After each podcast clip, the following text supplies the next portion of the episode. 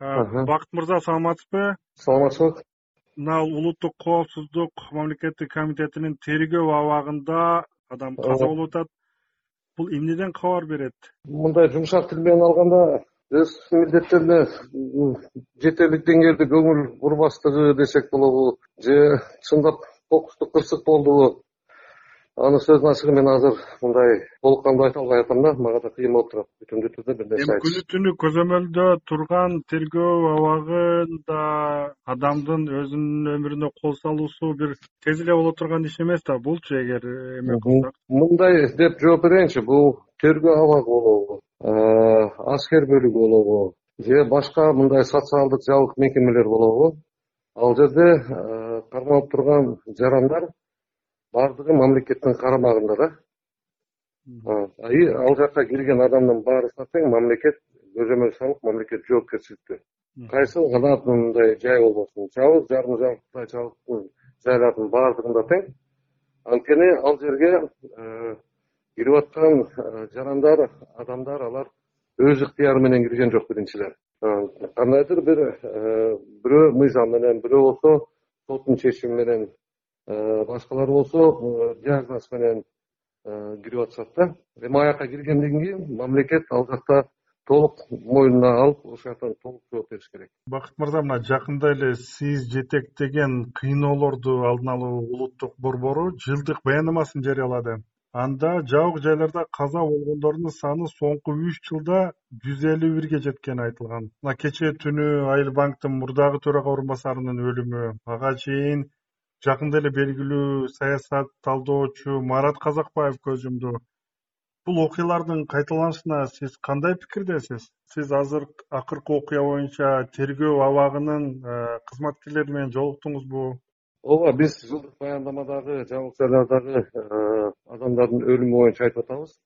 Андан сырткары ошол жерде э, өлгөн кишилерге коюлган диагноздор дагы мындай күмөн туудурган учурлар бар экен дагы. Э, биз мына кирип чыктык э, чыкканыбызга бир ашып кетсе даг кырк минуттардын убактысы болду окшойт дагы да жете элекпи ал маркумдун сокамерниктери менен жолугуп сүйлөштүк кызматтардын катышуусуз кызматкердин бирөөсү да катышкан жок. Жеке мен өзүм эки кызматкер менен кошо кирип сокамерниктер менен чогуу отургандар менен сүйлөштүк дагы. Алардын айтуусу боюнча алардын сөзү боюнча мындай бир эч кандай бир белги болгон эмес дейт мындай кадамга бараарына ашыкча дагы мындай бирөөлөр кирип бөтөн бирөө кирип ошо кызматкерлерден эле башкалардан эле ал менен өзүнчө отуруп дагы сүйлөшүп мындай неме кылган эмес кечки маалда камералардын жайгашканы боюнча кичине сүрөттөп берейин.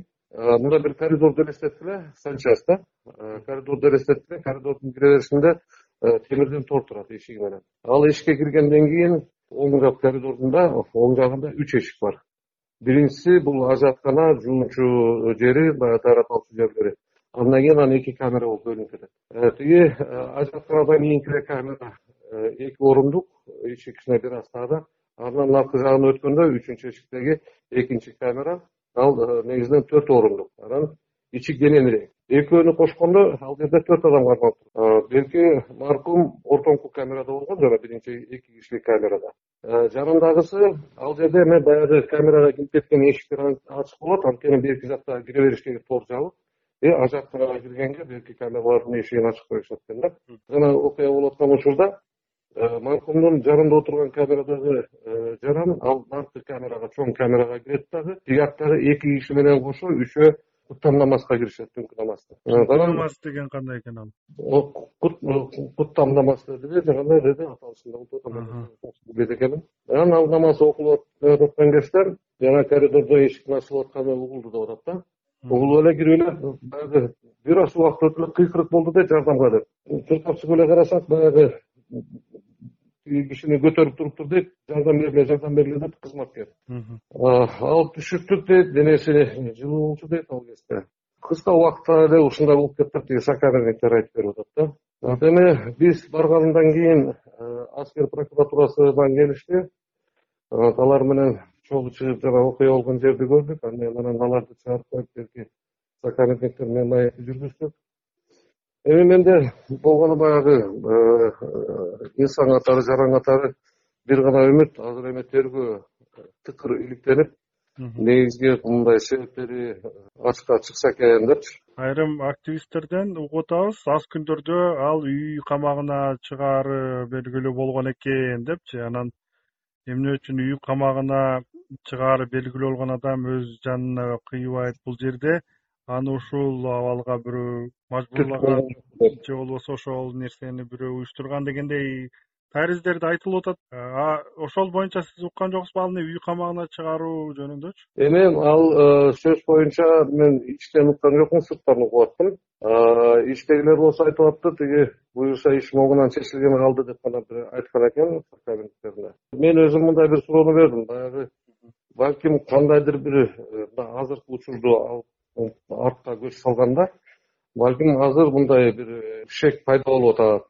Кандайдыр балким бир мындай сөздөр айтылгандыр бирөөлөргө жолугуп келгенде кабатырланган бир мүнөз болуп мындай бир нерсе болду беле деп деген суроолорду берди жанагы айтып атпаймынбы десем жок андай эч нерсени байкаган жокпуз деп атышат да. Эми кайра эле э, менин айтып аткан сөздөрүм бул кайра эле жанагы анын жанында отурган э, жарандардын айтылган сөздөрү.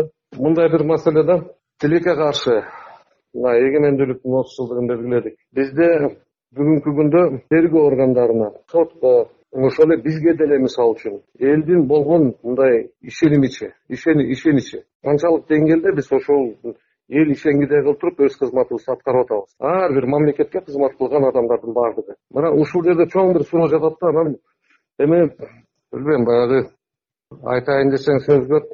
Ушул коомдо өзгөрүү болбоюнча ошол эле мамлекетке кызмат кылып аткан кызматкерлер баягы эме кечирип койгула тиги орусча терминдерди расмий тилдегенде колдоноюн честь мундира погон тагып жүргөндөр. Берки жактагы мындай погон тагынбай жарандык кызматта жүргөндөрүбүз алар кадимки эле мындай намыс кадыр барк анан жөн эле мындай өзүңдү дагы башка бирөөнү да сыйлой били деген нерсени үйрөнсөк аябай жакшы болот эле да